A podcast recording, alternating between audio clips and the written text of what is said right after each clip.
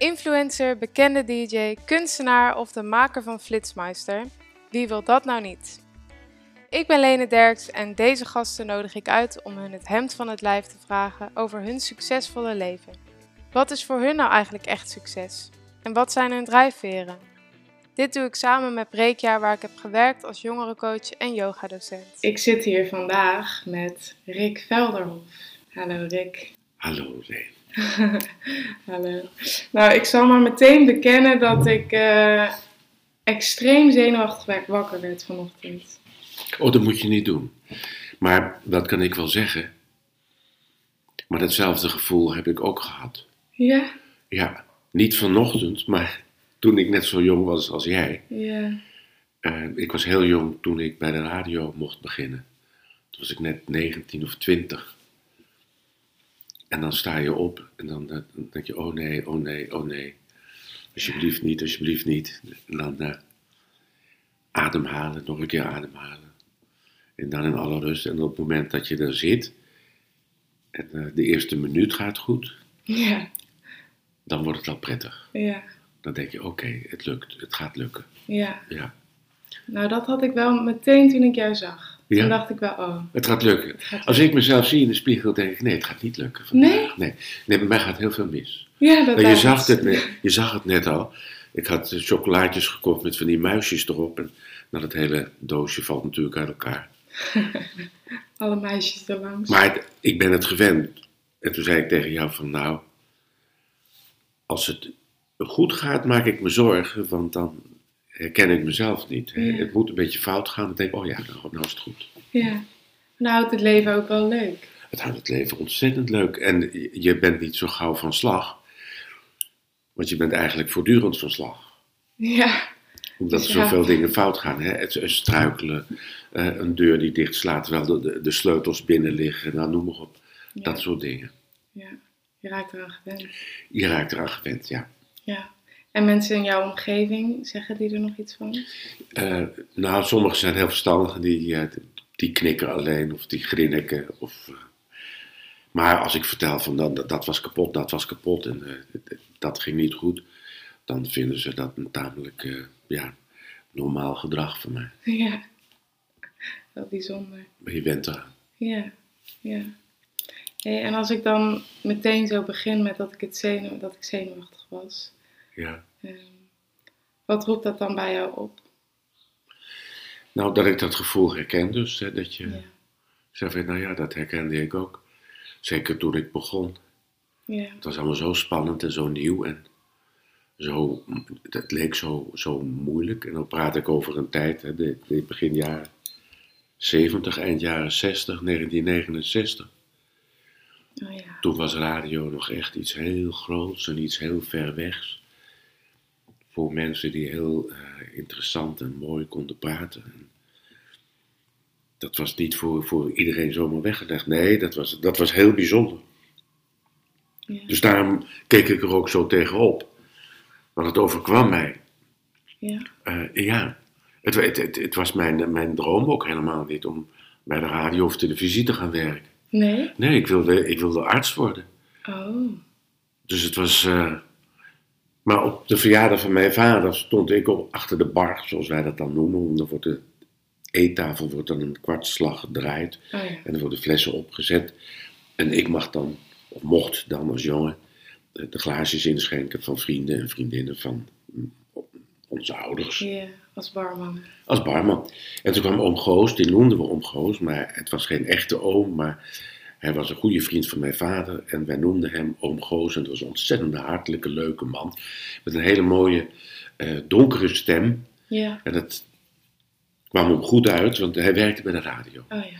En toen zei Oom Goos van, Rick, ik heb een probleem. Ik schonk hem een biertje in.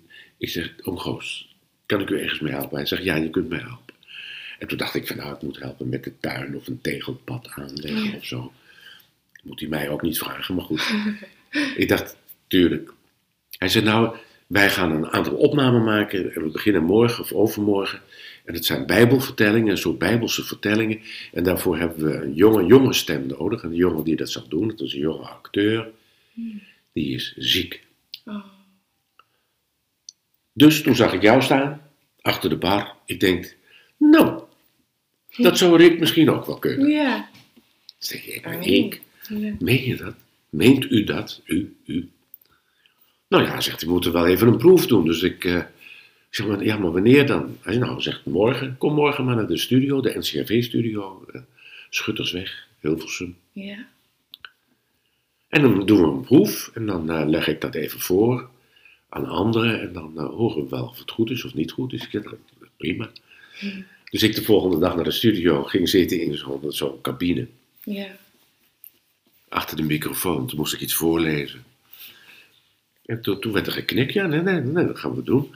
Ze we gaan je wat helpen, hoe, hoe je goed kunt voorlezen. En eh, dat het ook te volgen is door de mensen thuis. Dat je niet te snel leest. En dat het niet eh, echt voorlezen is, maar dat het meer vertellen is.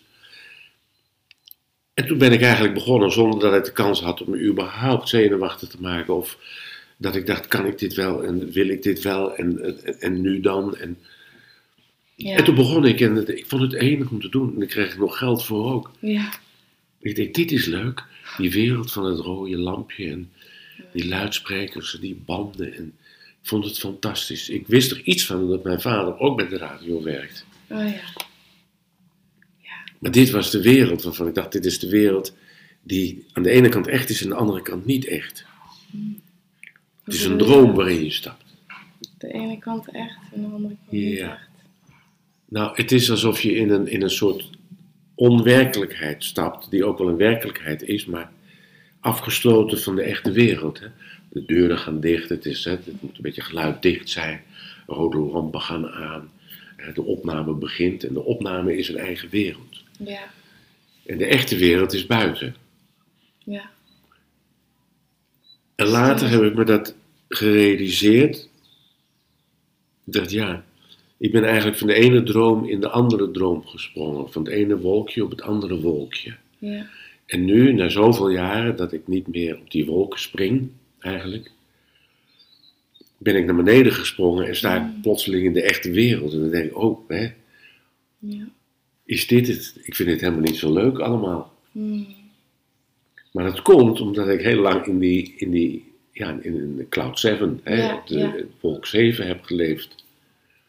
Wat ik heel prettig vond. Maar, eh, en zo ben ik eigenlijk bij de omroep terechtgekomen. De omroepdienst, de chef van de omroepdienst kwam langs en die zei, goh, we hebben een vacature voor omroeppresentator.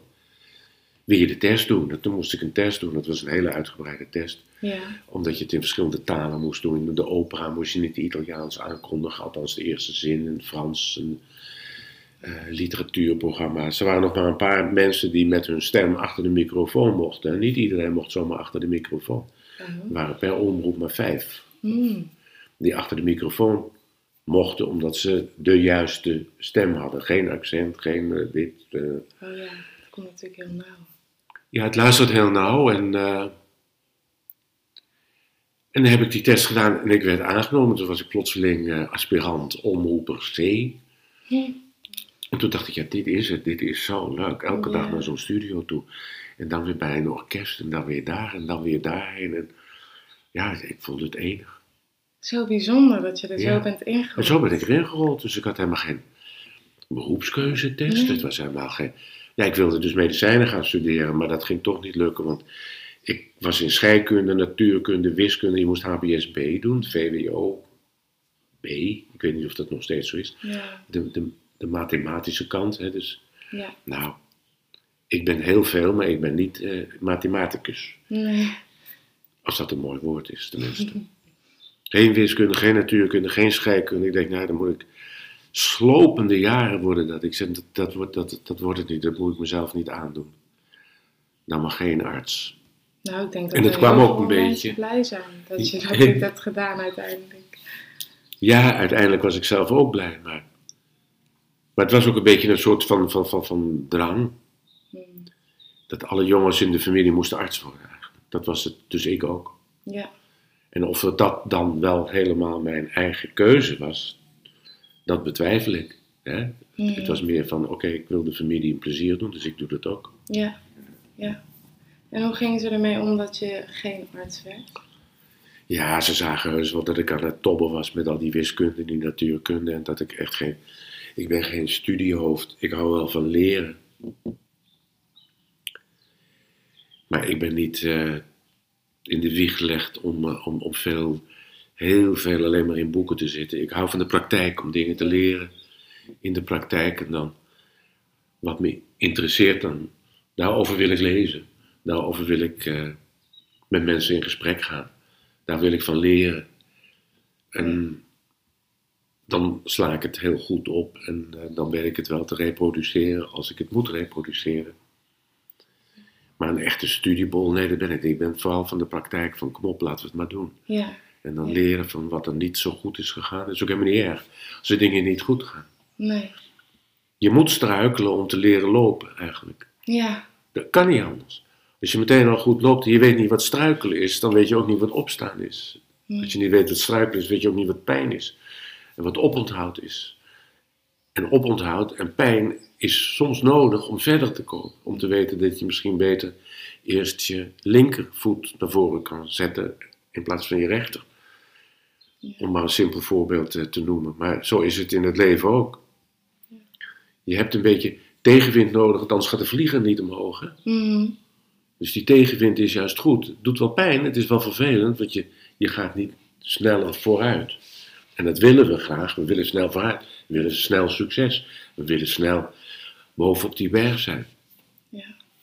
Maar juist het fundament moet heel sterk zijn. Steentje voor steentje moet je je fundamentje bouwen. En als je fundament goed is, dan kun je daar een heel hoog beeld op eh, plaatsen. Ja. Maar als het fundament niet mooi. goed is, dan zakt het in elkaar op een gegeven moment. Ja. Want dan mis je de, de kennis of de ervaring of de instelling of eh, het karakter om het eh, zo goed mogelijk te doen. Ja. Want dat is natuurlijk wel een mooi uitgangspunt, om het zo goed mogelijk te doen. Als je het doet, doe het dan, probeer het dan ook heel goed te doen. Ja. Je hoeft niet altijd de beste te zijn. Maar probeer het goed te doen, zoals jij het kunt. Alleen zoals jij het, zoals jij het wilt doen ook. Want je bent uniek. Ja. Dat is het mooie. Je bent geboren zoals jij geboren bent. En je moet niet proberen om iemand anders te zijn, want die is er al. Ja. Ja, dat is zeker zo. Ja. En als je bent geboren als een hyacint, Wat is dat? dat is een mooie bloem. Oh. Hyacint. Ken je? Nee. Met die kleine witte bloempjes of roze of wat. Oh ja. Ik ga straks een hyacint voor je plukken uit de tuin. Ja, die. Dan moet je niet proberen een narcis te zijn of een krokus. Nee. Want je bent een hyacint. Probeer een mooie of een leuke hyacint te zijn. Ja. Nou, zoals in, in het leven ook. Probeer jezelf te zijn. Hoe dichter je bij jezelf bent, hoe leuker je wordt. Ja. Echt waar. Daar geloof ik ook heilig in. Ja. Ja. Ja, 100%. Hey, en je had het net over die wolken, waar je dan bleef springen. Ja. Van wolkje naar wolkje. En toen stopte het werk. En toen stortte je naar beneden. Kwam je op aarde eigenlijk. En hoe was dat toen voor je? Hoe was die overschakeling? Nou, in eerste instantie was de overschakeling van televisie eh, naar schrijven. Het werd schrijven. Dat ging nog heel erg goed. Waarom is dat zo gekomen? Ik schreef al, want ik schreef al de, de portretten van mensen. Om, mensen die ik interviewde, later wil ik programma maken. Mensen die ik interviewde, maakte ik ook een geschreven portret van. En dat eh, heb ik jarenlang gedaan voor de Margriet en voor de Libelle en voor allemaal onder andere namen. Vond ik ook heel leuk. Ik Denk, Ja. Dit was ik weer iemand anders. Oh, nooit- nooit Jawel, ook wel onder mezelf, onder mijn eigen naam. Maar de, de, de, de grote roman die ik heb geschreven, ik noem het grote roman omdat het een heel groot werk was, Ja. heb ik ook onder een andere naam geschreven. Maar dat vertel ik straks wel, Hmm. als dat ruimte voor is. Maar ik woonde in Afrika en ik was klaar met televisie. Ik denk, ik ga een ander leven leiden en ik ga doen wat ik heel graag wil doen. Ik wil graag in de wildernis leven. Ik wil graag in Afrika een huis bouwen. Ik wil mijn eigen huis bouwen. Ik wil tussen andere mensen wonen, in een andere cultuur wonen, met een ander klimaat. En dat ga ik nu doen. Ik stop met televisie, ik ga dat nu doen. En ik kijk wel wat er gebeurt in mijn leven. Ja. En toen ben ik in Afrika gewoond, ik heb daar een huis gebouwd. En, eh, ik ging er op safari en ik dacht ik van ja, wat ga ik nu doen? En op een gegeven moment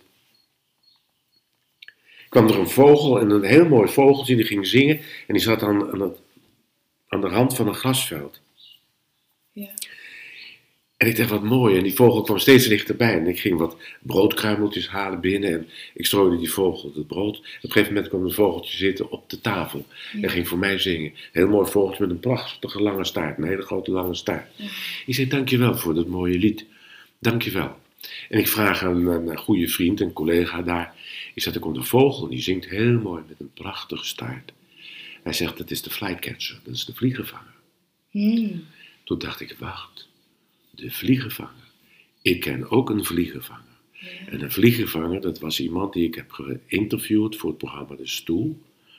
Ik ging met een stoel door Nederland, België, maar ook de rest van de wereld. En in die stoel liet ik mensen plaatsnemen die in mijn optiek, of in onze optiek, een heel mooi verhaal hadden, of een hele bijzondere manier van leven. Soms leefden ze onder de grond of in een boom, of, maar ze waren anders dan andere mensen. En hij, meneer Linders, Peter Linders, zat ook in de stoel. En hij vertelde zijn verhalen. Zijn bijnaam was de vliegenvanger. Omdat hij als jongetje al heel goed vliegen kon vangen. En dat heeft hem zijn leven gered in de oorlog. Oh ja. Hij werd verzetstrijder. Ja, hij moest voor de Duitsers, voor de nazi's. Hij kon heel goed vliegen vangen, maar hij kon ook heel snel met messen overweg. Dus hij heeft veel nazi's eh, omgebracht. Is ter dood veroordeeld, is in de dodencel terechtgekomen. En moest toen voor de nazi's een vliegenvangersdansje doen. Dan moest hij vliegenvanger, zogenaamd. Dat was dan grappig bedoeld Ja. en zo. En toen mocht hij, toen zei de directeur van de gevangenis, dat was wel een interessante en intelligente man. Die was voor zijn nummer opgekomen voor, voor, voor militaire dienst. En directeur geworden van een gevangenis. Maar hij was kunsthistoricus in Berlijn. En die zei, je mag in mijn kantoor zorgen dat er geen vliegen komen deze zomer. En dan ga je niet terug naar de dodencel. Maar zolang ik maar geen last heb van vliegen. En toen die zag dat die jongen, want dat is nog een jongen, dus heel erg geïnteresseerd was in alles en nog wat. En die had ook in Italië gezeten, hij sprak Italiaanse jongen. En eh, die heeft hem toen meegenomen naar Italië, naar het Vaticaan, om de kunstschatten die de nazi's hadden gestolen in Europa te archiveren Ja. voor het Duitse Rijk. En toen is hij meegegaan naar Italië in een Duits uniform. Is daar gevlucht. En dat heeft zijn leven gered. Dus die Ja. vliegen hebben in feite zijn leven gered. Jeetje, Ja. wat een verhaal. Ja, het is wel een krankzinnig verhaal. En daar heb ik dus een verhaal over geschreven. Toen dacht ik, eh, de vlieggevanger, ik ga die roman schrijven. Ik heb het hem beloofd dat ik iets zou doen met zijn verhaal. Ik ga het verhaal schrijven. En toen heb ik anderhalf jaar zitten schrijven in Afrika. En er is een roman van gekomen. Ik heb dat gedaan onder zijn eh, pseudoniem ook, want hij gebruikte ook een valse naam. Ravelli gebruikte hij. Hij ging als graaf Ravelli door Italië aan de zijde van de mooie Italiaanse vrouwen. En die naam heb ik gebruikt als schrijver. Ja. Ravelli, de vliegenvanger van Ravelli. En van hem heb ik een kaarsenstandaard gekregen die Ja. daar staat. Ja. En dat is een, eh, wat je vroeg van heb je een voorwerp wat jou dierbaar is? Dat heb ik, maar dit is ook een dierbaar voorwerp. Dat is een kandelaar, een staande kandelaar, waarschijnlijk gestolen uit een kerk. Oh Hij ja. was, eh, ja, hij zegt neem deze kandelaar mee en als je hem ziet dan moet je aan me denken. En ik hoop dat je mij verhaal wil vertellen. En dat verhaal, dat dagboek, ik heb zijn dagboeken geërfd, dat heb ik bewerkt tot een roman. En eh, eh, dat is gelukt. Ja. En daar ben ik dus heel blij om. En dat was mijn volgende wolk eigenlijk. Dus die, die hield me dus eh, in, in hoog. En dan heb ik ook nog deel 2 en deel 3 geschreven. Dan was ik ook nog helemaal dus in de fantasiewereld en wolk naar wolk naar wolk. En in 2016, ja, toen was deel, dat is vijf jaar geleden, toen was deel 3 voltooid. En eh, toen ben ik geland eigenlijk en toen Ja. begon voor mij het echte leven. Ik denk, oh, oh, oh, ja, ik ben al 70. Wacht, ik ben al 71, 72. Och, dat is ook wat, dan ben je oud. Oh, wat erg, ik ben oud. Mm. Dus plotseling gebeurde er iets alsof ik nu pas eh, de werkelijkheid om me heen voelde. En alsof ik mijn hele leven in feite ook omringd ben geweest door eh, fantasie. Ja. Ik heb geleefd. gedachten. Ja, verrukkelijk. Ja. Ja, verrukkelijk. Ik kan het iedereen aanraden. Ik heb een hele grote verbeelding. Als ik mijn ogen dicht doe, dan kan ik je zo vertellen, zeg maar in een stationnetje ergens in Zwitserland. En dan vertel ik wie daar lopen nu. Ja. En wat ze aan hebben. En eh, dat, eh, ja, dat er net iemand huilend uit een bakkerswinkeltje komt. En, en dan vertel ik het verhaal, dat deed ik vroeger met mijn kinderen ook. Dus verhalen vertellen. Ja. Zo is het begonnen. Oh, wauw. Ja. Verhalen vertellen is mooi. Ja. Maar terugkomend op de realiteit waarin je belandde, was dat confronterend? Ja, dat zei ik je al. Ik vond mijn leeftijd heel confronterend. En vooral omdat andere mensen jou zien dus als ouder, oud. Terwijl ik er nog helemaal niet aan toe was. Ik denk, nou nee, ik ben nog aan het springen. Ik, ben nog, ik ben helemaal niet oud. Dat zijn die andere mensen. Die help ik wel met eh, instappen. Die, hè, ik ski ze voorbij en ik help ze als ze hun skischokken laten vallen. Ja. Maar ik voelde mezelf helemaal niet oud. Dat komt ook omdat ik hele leuke vrienden heb. Die, eh, die ook nog voor alles in zijn. Ja. Dus het werd me eigenlijk opgedrongen door de omgeving. En toen kwam corona. En corona zorgde ervoor dat ik thuis kwam te zitten en alleen thuis. Zo af en toe sprak ik af met een goede vriend, die kwam koken. En dan vertelden we elkaar verhalen tijdens het koken. Maar je was alleen. En alleen betekent dat je heel veel tijd hebt om na te denken. Ook om je zorgen te maken. Dan zeg ik zo, stel je voor dat het nu afgelopen is. Stel je voor dat er dit. Stel je voor dat er dat. En dat vond ik niet prettig. Ik dacht, ik moet iets gaan doen om mezelf. Want ik ging me zorgen maken over de wereld. Ik ging me zorgen maken over heel veel jonge mensen. Ja. Dan denk ik, dan staat het stil. Dan ga je net studeren. En je, je mag op kamers. En dan gaat het allemaal niet door. En dan moet je weer op je zolderkamertje bij papa en mama gaan zitten. Net wilde je de wereld in. En dan, gaat het niet lukken. En dan niet drie maanden, maar weer zes maanden. En dan weer een jaar. En dan weer bijna twee jaar. Ja. Het zijn allemaal kostbare jaren. En ik had vooral te doen met mensen die in, in, de, in de startblokken staan. Die aan het begin staan van hun leven. En die zo graag willen. hè. Die staan te trappelen. En het hek gaat niet open. Ja. En dat is heel naar. Want Zo voelde het denk ik Zo voelde het ook. Hè? Ja. Ja, jij bent jong, dus je weet hoe dat ja. voelt. Ja. En voor ons is het minder omdat we al zoveel hebben gedaan. En dat er ook al zoveel is gelukt. Mhm. Hè? Zeker in mijn geval. Dus ik had geen enkele reden om te klagen. Maar wat ging ik doen? Ik ging het gras knippen met een handknippertje. Dus ik ging heel veel in- buiten in het... Nou, dan ben je wel even bezig ja, geweest. ben ik weken bezig. Ja, want ik zit hier bij Rick thuis en de tuin is toch wel, je hebt wel een aardige tuin. Ja, ik heb een aardig stukje gras. Ja. Dus dan ga ik het gras doen en dan moet ik heel rustig op mijn knieën of ik ga zitten. En dan eh, ga ik even liggen als de zon schijnt. Dat vind ik ook wel mooi. Ja. En dan sluit ik vriendschap met de vogels, want ik koop ook altijd vogelzaad voor ze. Kijk, daar hangen ook netjes Ja. en zo. Dan eh, vind ik het fijn als ze komen eten bij mij in de tuin. Dus dat heb ik gedaan. Wat ik ook heb gedaan is eh, met de hand gaan afwassen. Dus ik doe maar afwasje met de hand, Oh, strijken. En toen ben ik mezelf sprookjes gaan vertellen. Opdrachtsprookjes. En daar heb ik een boekje van gemaakt. Oh, echt? Ja, maar dat zijn hele bijzondere sprookjes. Dat zijn sprookjes, dat zijn anekdotes uit het eh, Vaticaan, Oh, de paus. ja. Ik had, een- ik had één verhaal geschreven over de banketbakker van de paus, een anekdote. En toen zei een goede vriend, die zei tegen mij, goh, je hebt geschreven over de banketbakker van de paus, wat een grappig verhaal is dat. Hij zei, ja, maar de paus heeft ook een butler, en de paus heeft ook een kapper, en de paus heeft ook een pedicure, en de paus heeft ook een eh, schildwacht. Ja. waarom schrijf je ook niet die ontmoetingen? Toen dacht ik, nou, dat vind ik, het lijkt me lastig, maar ik ga het wel doen. En toen ben ik in corona ben ik anekdotes, sprookjes gaan vertellen over de paus. En daar heb ik bedacht hoe de paus zou kunnen reageren op de vragen die anderen stellen, of op de opmerkingen die zijn dienaren eh, maken. Ja. Nou, dat, eh, dat- dat is eh, gedaan. Daar heb ik nu twee deeltjes van gemaakt. Maar dat was puur om mezelf te verwennen eigenlijk. ja, om bezig te zijn. Bezig te zijn. Maar goed, als andere mensen het ook grappig vinden of leuk vinden om te lezen, nou prima. Super. Ja, dat is leuk. Ja. Ja. Dus, maar het is wel weer het fantasie, wel weer verbeelding, Ja. wel weer een, oh, instappen. Ja. Je gaat er eigenlijk weer uit in je gedachten. Ik ga weer een wolkje opzoeken Ja. om weg te gaan. Ja. Ja. Hm.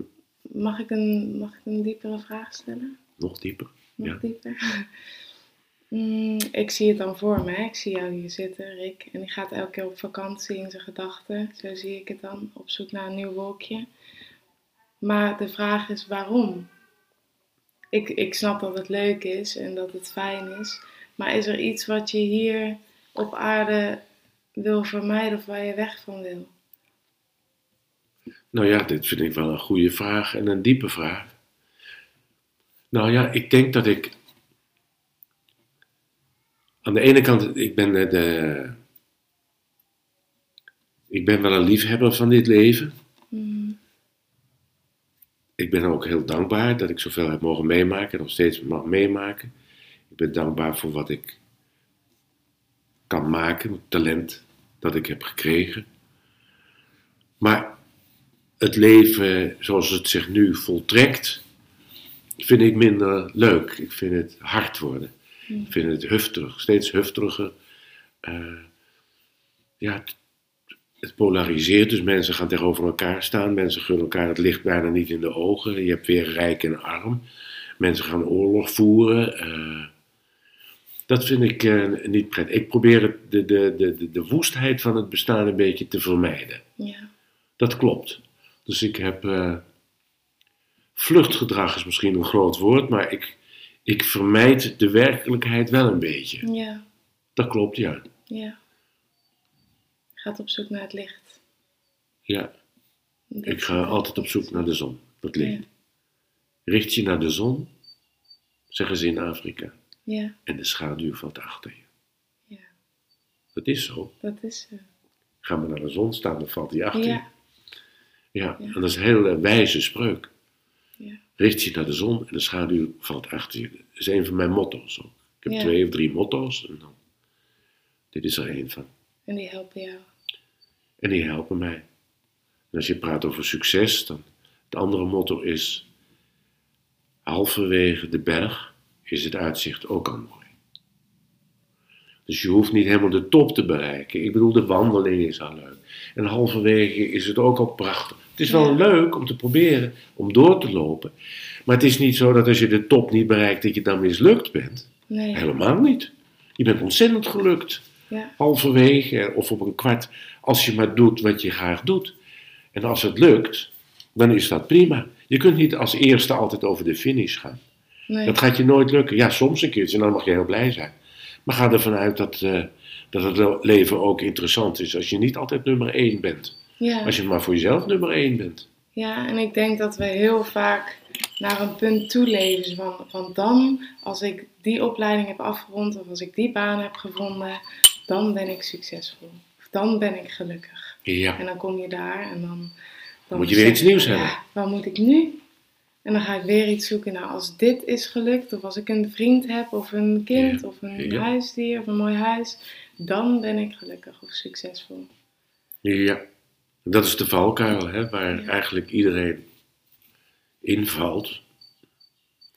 Zeker als je jong bent. Want je gaat doelen, dat- je jezelf doelen stelt, dat is prima. Hè? Dan denk je van, oh, als ik die baan heb, dat zou wel heel fijn zijn. Ja, Oh, de, die auto zou mooi. Oh, als ik helemaal getrouwd ben. Oh, als ik maar kindjes krijg. Wat jij zegt allemaal. ja, Oh, dan is het helemaal goed. Dan Ja. is het goed. Maar wat je doet, is dan het vooruitschuiven het, van het geluk. Je schuift het geluk, je eigen geluk, schuif je vooruit. ja, En dat is jammer, ja, want je moet erin staan. ja, En als je je geluk vooruit blijft schuiven, dan ben je plotseling 60 of 50 en dan denk je van en? En? en nu? En nu? Ja, Nee, als ik maar eenmaal gepensioneerd ben, nou dan moet je weer 15 of 17 jaar wachten. Ja, voordat jij gelukkig bent. Nee, je moet doen op het moment dat je voelt dat je iets moet doen waarvan je weet dat het heel prettig is dat je dat gaat doen, ook al is het spannend en eng. ja.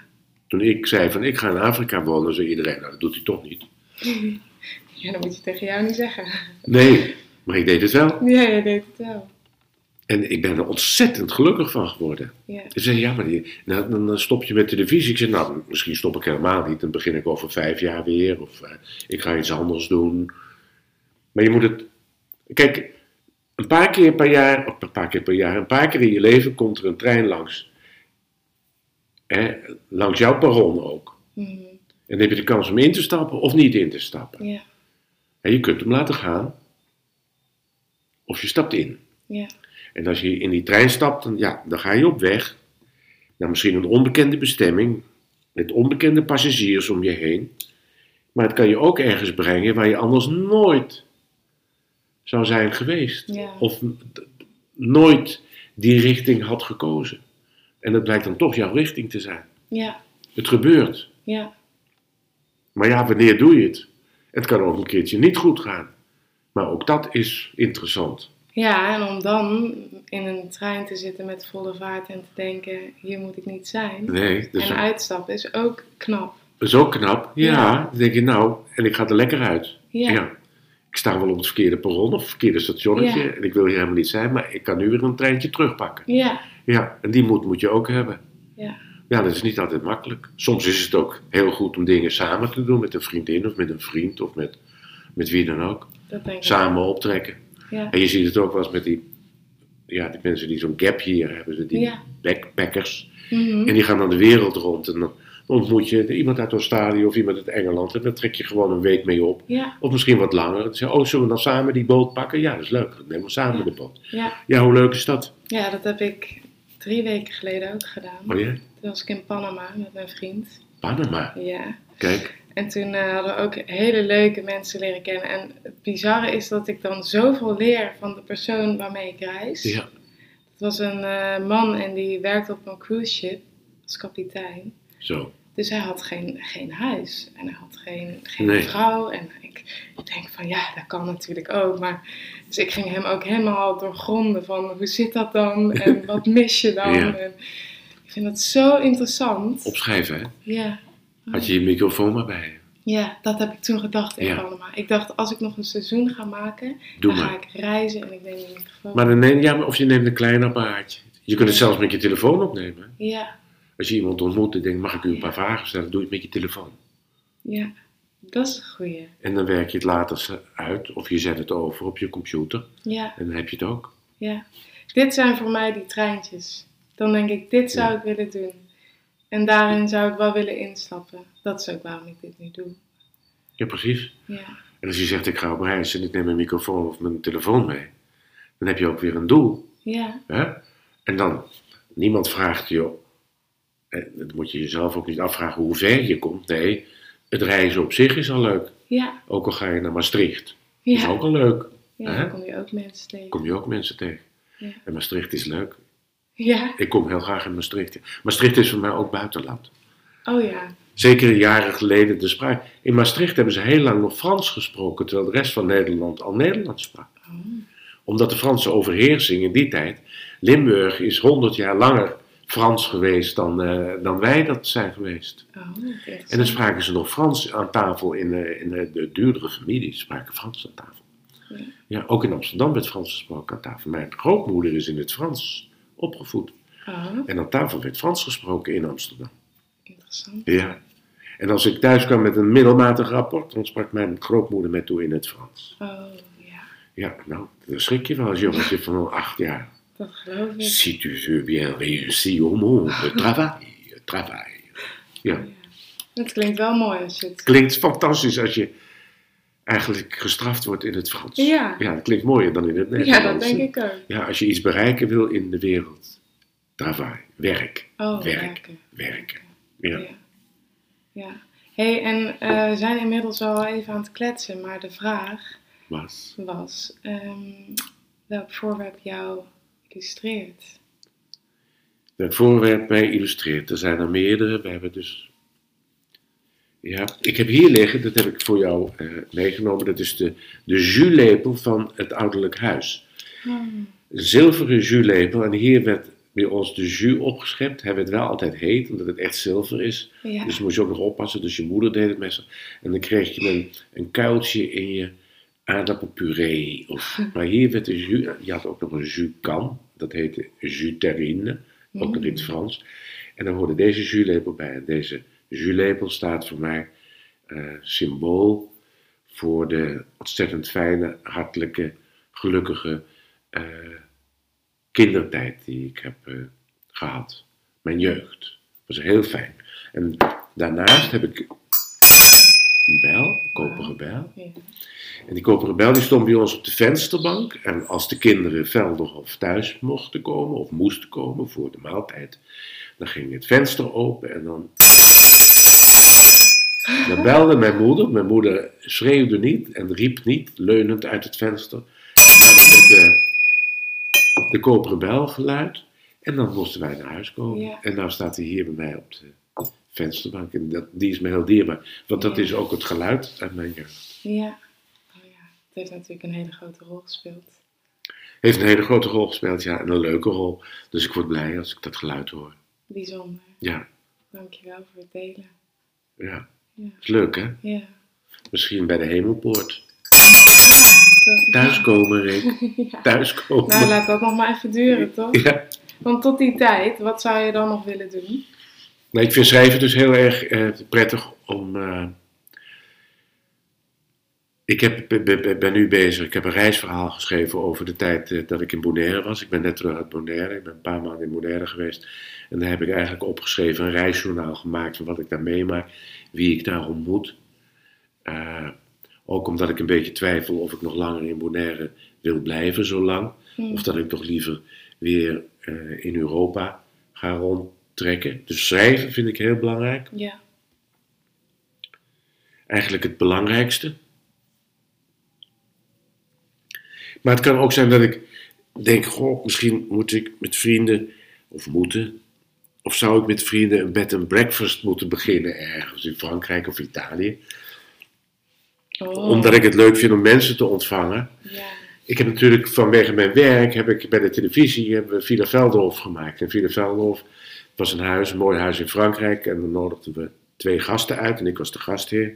En ik zorgde dan ook een beetje voor die mensen, weliswaar gesteund natuurlijk door anderen, door een kokkin. En, maar ik vond het heel leuk om, om, om, om, om ook vanwege die gezelligheid, hè, lekker ontbijtje maken, een lunchje Ja. maken. De boodschappen doen vind ik heel leuk, vooral in Franse winkels. En lekkere dingen eruit uitkiezen en klaarmaken. Ja. Ik denk dat zou ik nog wel heel leuk vinden. En dan die verhalen van die mensen dus Oh. eh, opschrijven of misschien wel eh, opnemen. Ja. Voor een radio-uitzending, podcast heet dat tegenwoordig. Eh, of televisie zoals ik dat eerder heb gedaan, maar dan voor mezelf meer of voor een thema. hè. Ja. Bijvoorbeeld oudere mensen, hoe, hoe word je dus eh, stijlvol oud? Oh, Er is een platform en dat is opgericht en het heet Gracious Aging, dus op een gracieuze manier oud worden. Mhm. En ik ben gevraagd of ik daar, daaraan mee wil werken. Ik zeg ja, dat vind ik wel leuk. Ja. Dat, dat zit mij wel. Om dus het gracieuze oud te worden. Weet je, maar met een boot varen over een Zwitsers meer bijvoorbeeld en met een pleet. Hè? En een lekkere kopje Ja. koffie of een glaasje wijn erbij. Ja. Gewoon zoals het vroeger was. Jij vroeg of ik de, de werkelijkheid een beetje ontvluchtte. Ik denk, ja, dat klopt wel. Maar ik verlang meer terug naar een tijd waarin ik zelf eigenlijk niet heb geleefd. Ja, maar toen was ik kind. Ja. En dat waren de vijftiger jaren. En toen had je nog kruiers op de perrons die de koffers aanpakten. Er waren nog portiers van de hotels die naar het station kwamen om de gasten op te halen. En je werd nog per arreslee vervoerd. eh, de service, het stijlvolle. Dus de, de, in sommige restaurants heb je dat nog, maar de obers die prachtig gekleed waren. Je had nog bij bepaalde winkels een portier. Ja. Een lift, een meneer die de lift bediende met witte handschoenen. Dus dat, dat hele eh, sprookjesachtig, die sfeer, die spreekt mij heel erg aan. Ja. Dan vind ik film ook interessant.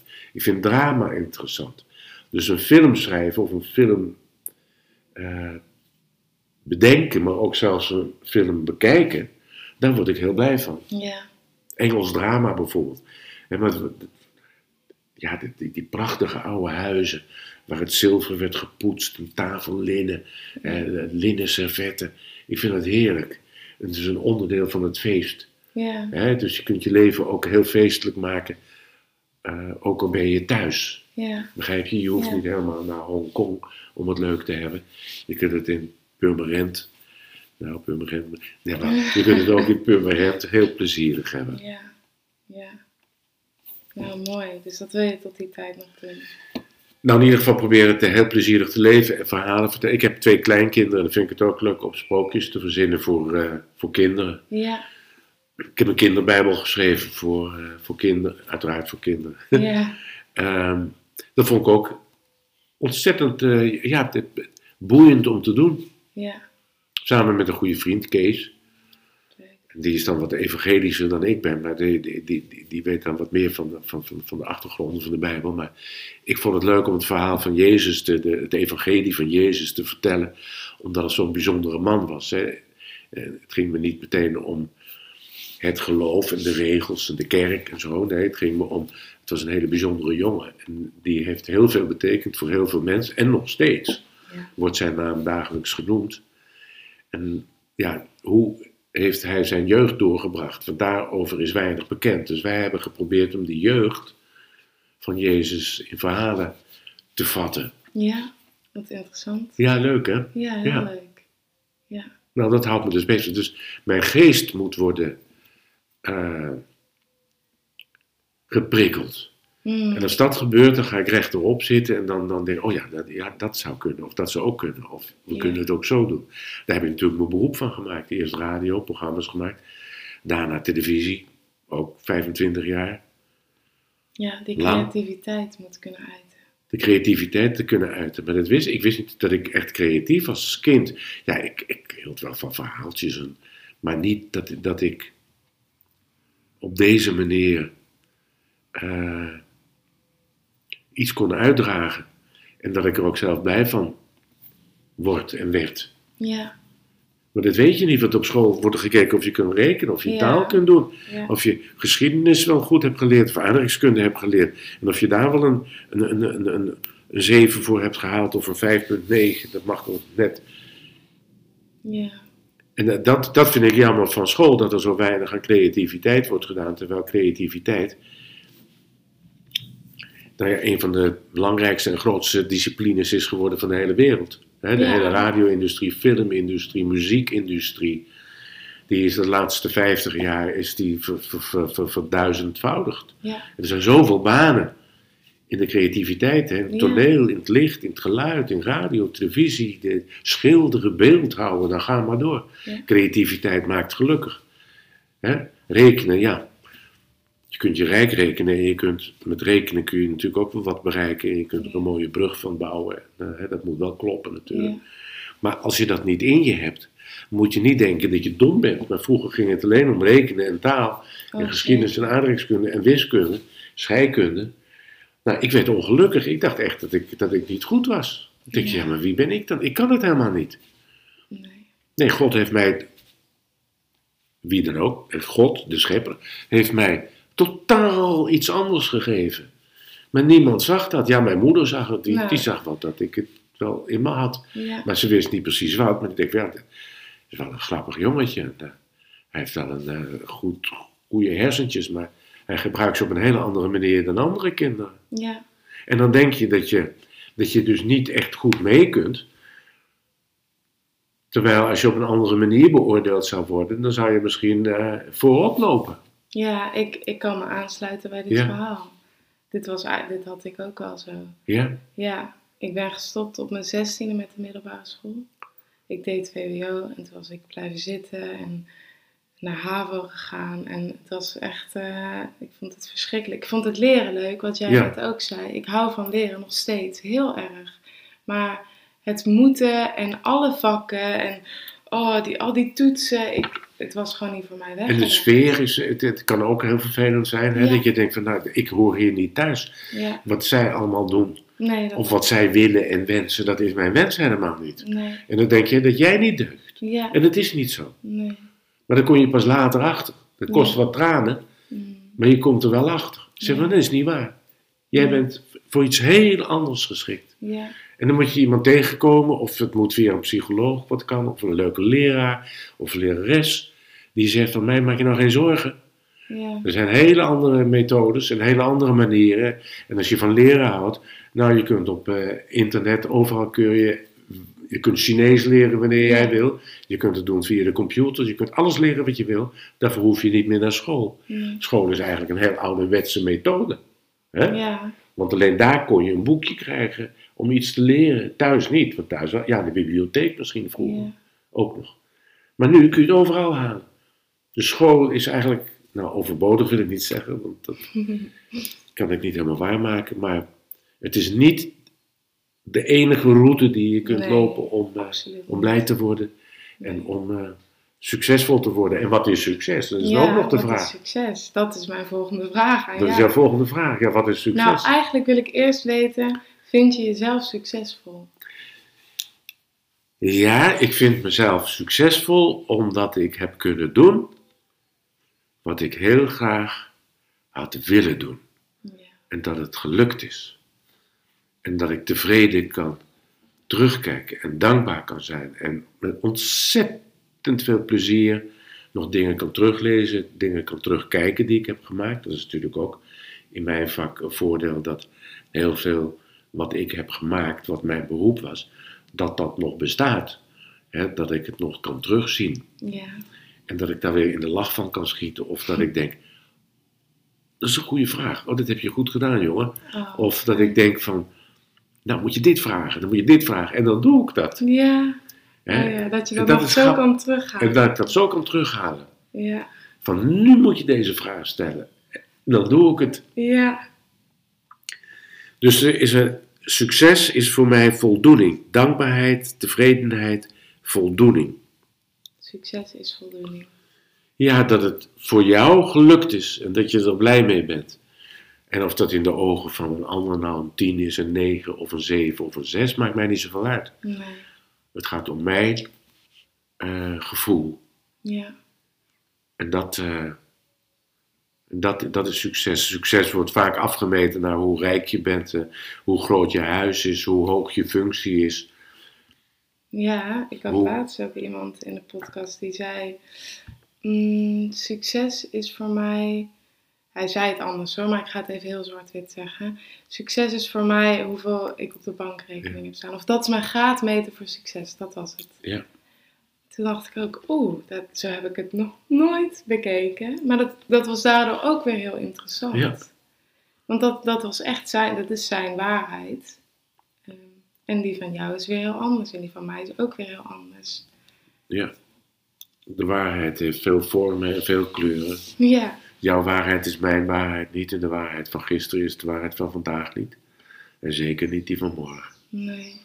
Nee. Nee, ja, de hoeveelheid geld. Heel veel mensen vinden geld heel belangrijk. Geld is tot op zekere hoogte belangrijk, Mhm. omdat geld als middel je in staat stelt. Bijvoorbeeld om kleren te kopen, of om een dak boven je hoofd te krijgen, of om ja, die leuke auto inderdaad te kopen, of om op vakantie te kunnen gaan. Ja. Het- Het is heel prettig tot op zekere hoogte, maar genoeg is genoeg. Hè? Ja, en geld is makkelijk, maar als dat je doel is, Ja. wat heb je dan nog als, het- als het geld van je bank is? Of dat de boel ontploft, of dat het geld niks meer waard is, of dat je geld wordt afgenomen, of dat je failliet, wat ben je dan nog? ja, dat vraag ik me ook af. Wat gebeurt, wat gebeurt er dan met iemand die daar zoveel waarde aan Ja. hecht? Het is toevallig dat de jongen die wij in Panama hadden leren kennen, die heeft een miljoen geïnvesteerd in iets en dat is toen allemaal verloren gegaan. En hij had dus die situatie, ja, een miljoen, hij, ja, dat is zo- zoveel geld. En toen moest hij ook helemaal opnieuw beginnen. Maar hij had, hij had geen huis nodig, want hij werkte op de boot. Ja, Maar hij zei, uiteindelijk is mijn gevoel niet veranderd, want het waren alleen maar nummertjes op de bank. Dus mijn leven is niet veranderd. Maar alleen het gevoel dat, Ja. ik, dat ik ergens nog iets had, is weg. ja nou, het geeft natuurlijk ook een vorm van rust. Ja, Ik van, nou, daar hoef ik me geen zorgen over te maken. Als ik terugkom, kan ik in ieder geval kan ik mijn brood kopen, ik kan een huisje huren. Het geeft rust. ja, Geld kan rust geven. Dat is helemaal waar.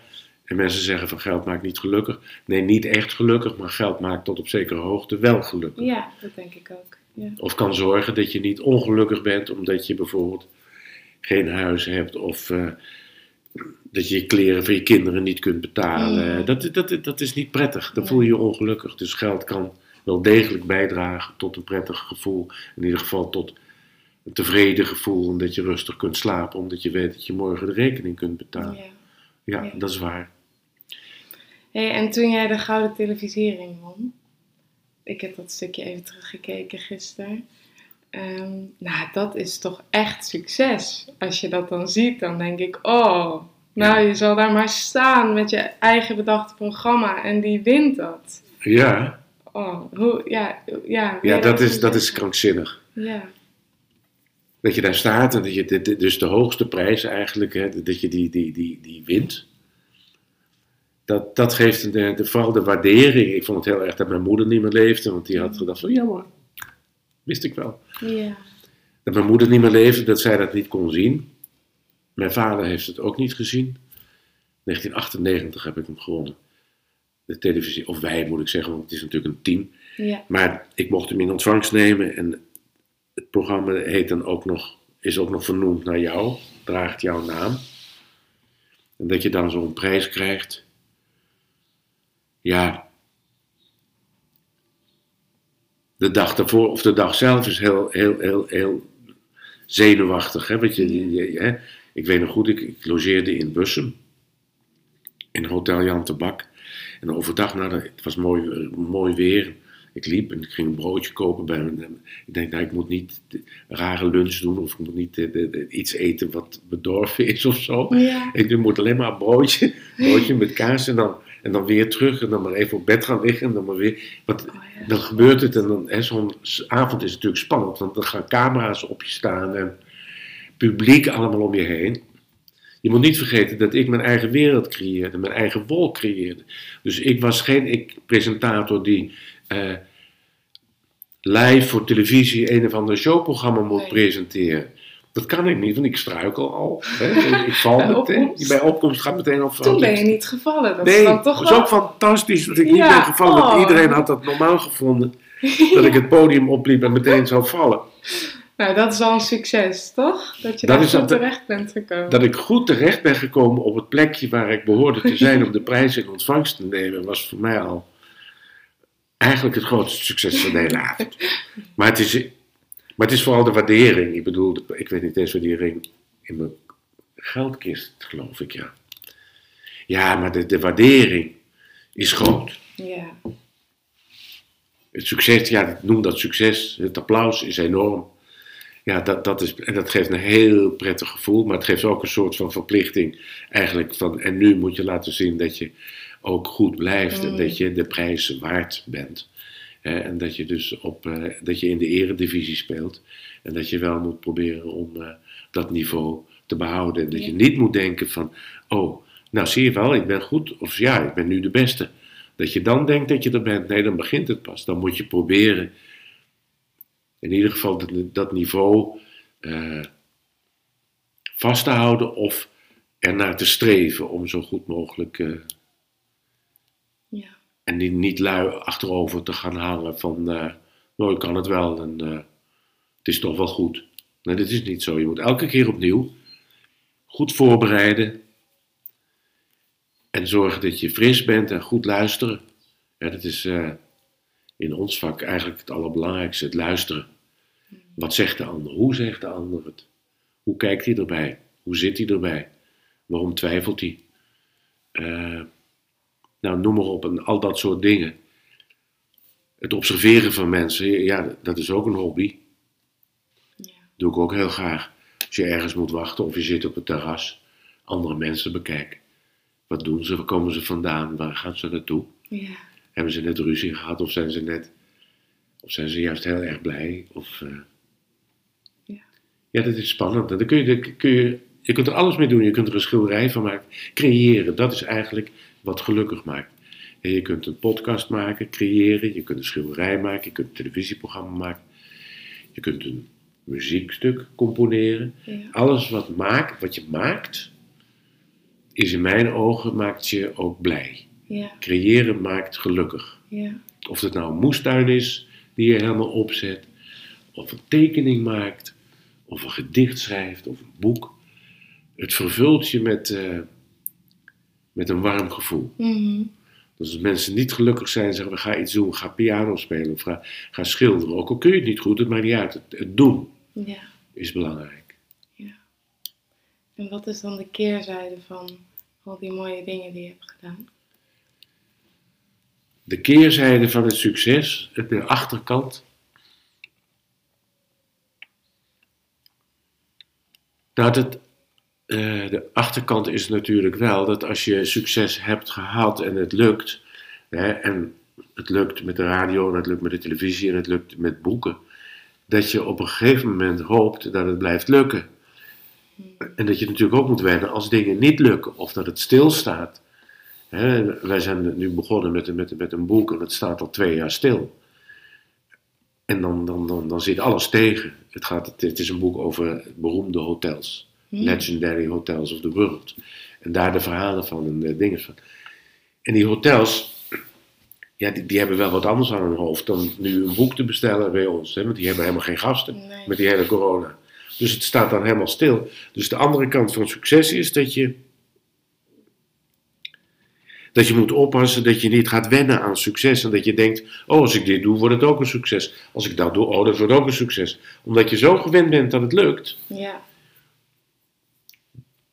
Dat je eh, teleurgesteld kan zijn in jezelf als dingen dus niet lukken. Ja, de innerlijke criticus. Ja, de eeuwige criticus. Maar je moet jezelf juist dat mislukken ook gunnen. Ja, zoals je al zei aan het Ja, begin. Struikelen. Ja, nee, maar mislukken hoort er ook bij. Denk ik van, nou, dat heb ik toch niet goed gezien. Of ik heb het wel gezien, maar het is niet het juiste moment. Dus dat is dan wel... Succes kan verslavend zijn. Hè? En eh, dat zie je dus aan echte sterren, aan popsterren. En, eh, ja, het, het, het succes is zo verslavend. Het applaus, de roem, de waardering. En als dat dan minder wordt... Dan zie je ook vaak dat die mensen bitter worden of zuur of Mhm. heel verdrietig of aan de drugs gaan of aan de alcohol of zelfmoord plegen zelfs. Ja. Terwijl ze zo'n roem hebben gehad. Ja. Maar dat, kennelijk is dat verslavend. En eh, ja. Dus wat is het nadeel van succes? Nou, ik ken niet veel nadelen. Alleen wat ik zeg, ja, dat je er niet op moet rekenen dat alles dan maar een succes is wat jij aanpakt. Dat is Ja. niet zo. En durven struikelen. En durven struikelen, ja. Dat is een mooie. En het is voor mij niet zo moeilijk, omdat mijn motoriek al zo is ingericht dat ik per definitie al een paar keer per dag struikel. Ja, nou dat is wel mooi om mee af te sluiten, denk ik. Ja. Nou, ik ga, ik, ja, ik moet het toch even zeggen. Ik vond het echt, echt een eer. Fijn. Voor mij ben jij, eh, het werk wat jij allemaal hebt gedaan, is, is echt een voorbeeld voor mij. Nou, je hebt een hele lange weg te gaan. Ja. En eh, je instelling is goed, je kunt goed luisteren en je hebt er zin in. Je hebt zin in het leven, je hebt zin in om mooie dingen te maken, hoe dan ook. En je bent begonnen met je hele serie podcasten. Dat is een prachtig begin. ja. Ontzettend leuk. Heel veel succes. Super bedankt voor het luisteren naar deze podcast. Ik hoop dat je ervan hebt genoten. Heb je nou nog vragen of suggesties? Dan kun je me vinden via Instagram. Mijn naam is Lene-Terks. Tot de volgende keer. Doei!